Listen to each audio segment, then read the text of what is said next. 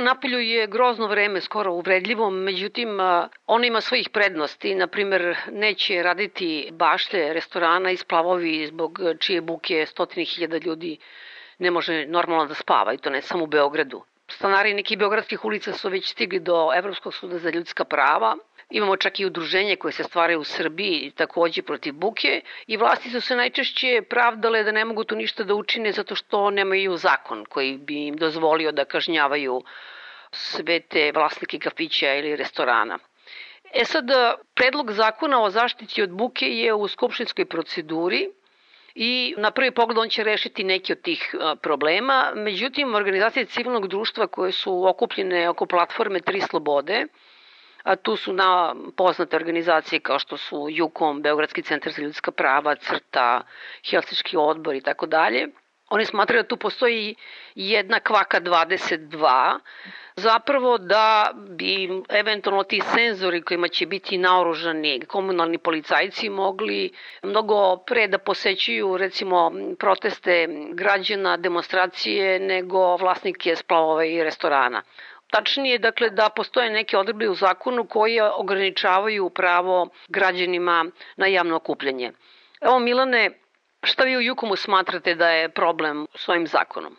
Pa da, pre svega zagađenje bukom je realan problem svih nas koji živimo u gradu i pozdravljamo donošenje zakona u onom delu koji se odnosi na, na te probleme stanara sa bukom iz kafića. Problem leži u određenim odredbama koje na malo vrata pokušavaju da ponovo uvedu sistem dozvola pogledu javnih okupljanja. Znači, to se u samom zakonu, koji inače usvojen juče, e, odnosi samo na ona okupljanja koje mogu dovesti do prekoračenja graničnih vrednosti indikatora buke. Ali, kad govorimo o javnim okupljenjima, mi u praksi jednostavno smatramo da je sastavni element jednog javnog okupljanja upravo prenošenje poruke, znači skretanje pažnje onih kojom poruka namenjena, bilo reč o predsjedniku države, e, narodnim poslanicima ili, ili građanima. Zato je neophodno dizanje buke, neophodno je lupati u šerpe, koristi vuvuzela i glasno uzvikivati parole.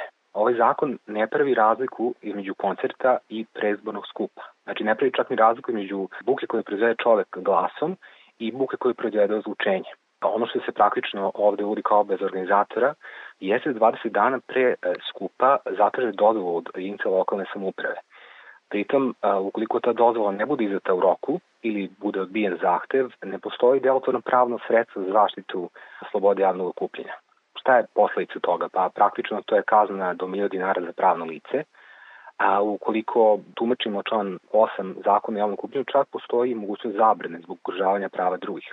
Naravno, ovo je jedno krajnje ekskluzivno tumačenje, ali s obzirom na zloupotrebe ove, kada je reč o organizaciji spontanih okupljenja i ove, prekršenom kažnjavanju organizatora, sasvim moguće da će do istog zaključka doći ove, nadležni organi i da će se takvi skupovi zabranjivati.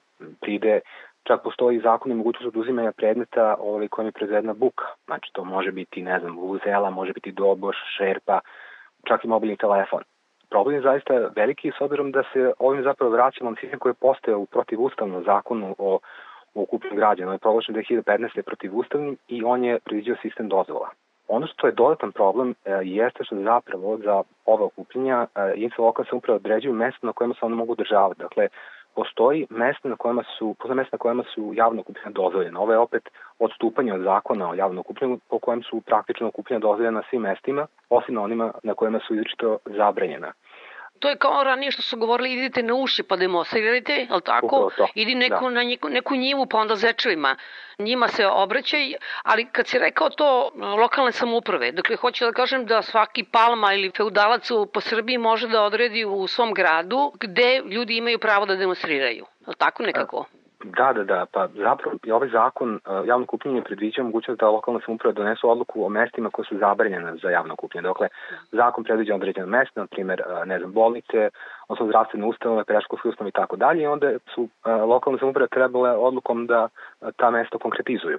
Međutim, u praksi dešavalo u pojedinim lokalne samouprave da su zabranjivani skupovi ispred, recimo, zgrade opštine to i danas postoji. Te odluke postoje, one su na pravnoj snazi i verujem da bi trebalo da ih e, ispita Ustavni sud.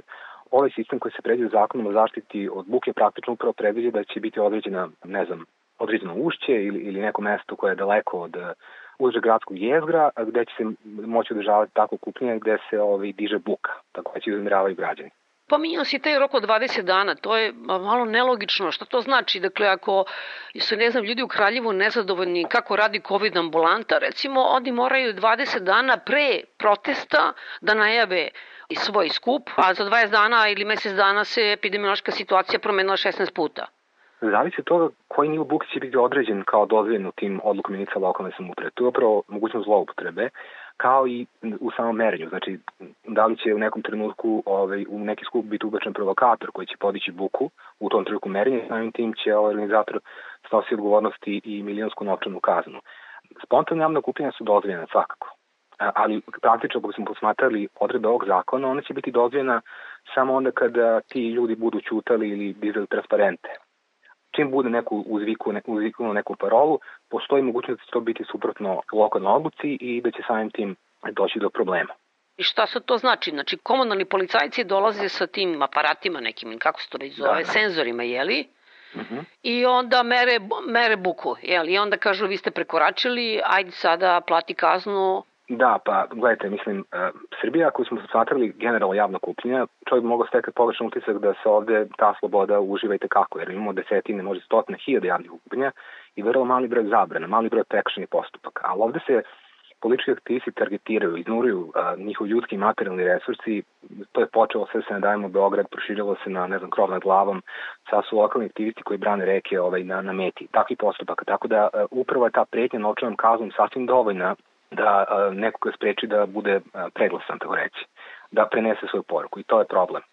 Koliko sam ja videla, samo ste vi iz platforme V3 Slobode reagovali na to, je li je moguće da ne znam, opozicijne stranke ili već neka udruženja građana koja si ti pominjao, koja se bore za neka recimo specifična prava, da nisu reagovali, nego da tako to prođe.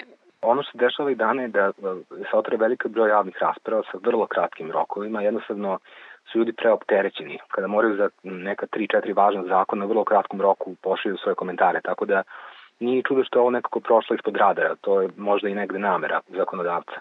Da ljudi ne primete da se ovaj zakon donosi i kada taj zakon bude ovaj, usvojen da bude kasno ovaj, da se reaguje. Dobro, dakle, dobili smo jedan zakon koji daje Vesiću pravo, pošto se Vesić stalno bunio kako ja da ne može ništa da uradi, ovaj, zato što mu zakon vezuje ruke, odnosno nedostatak propisa, a onda kad već kupujemo senzor, onda da ih upotrebimo i za nešto drugo, eventualno za obračun sa političkim protivnicima. Nije ovo jedini zakon koji služi za obračun sa političkim protivnicima. Imali smo pre par dana povlačenje predloga zakona o unutrašnjim poslovima koji je predviđao masovni biometrijski nadzor Daću vam primjer kako se to već sad koristi u Mađarskoj. Tamo su dronovi sa kamerama koji praktično automatizovano prepoznaju uh, učesnike nekog uh, nedozvojenog javnog okupljenja i automatski šalju novčane kazne. Razumete na kom je to nivou? Ukoliko taj dron može da ne znam, zapazi nekog stotina ili hiljade ljudi i onda da sistem automatski pošalje novčane kazne na kućnu adresu, to je zaista delo zastrašujuće. Takođe u zakonu, odnosno predlogu zakonu o tržnim poslovima imali smo i mogućnost uh, da bude praktično onemogućeno prepoznavanje policajaca koji prekoračuju silu nad demonstrantima. Takvu situaciju imamo u Ruskoj federaciji već e, godinama, gde ne postoji način da se oni identifikuju. Imali smo i situaciju, nažalost, čak i u Srbiji za vreme ljudskih protesta, gde upravo s tome što smo videli uh, zaista masovno kršenje ove, ljudskih prava, mirnih demonstranta, nismo došli do identiteta tih uh, lica. Milone, hvala puno na razgovoru. Važi, važi.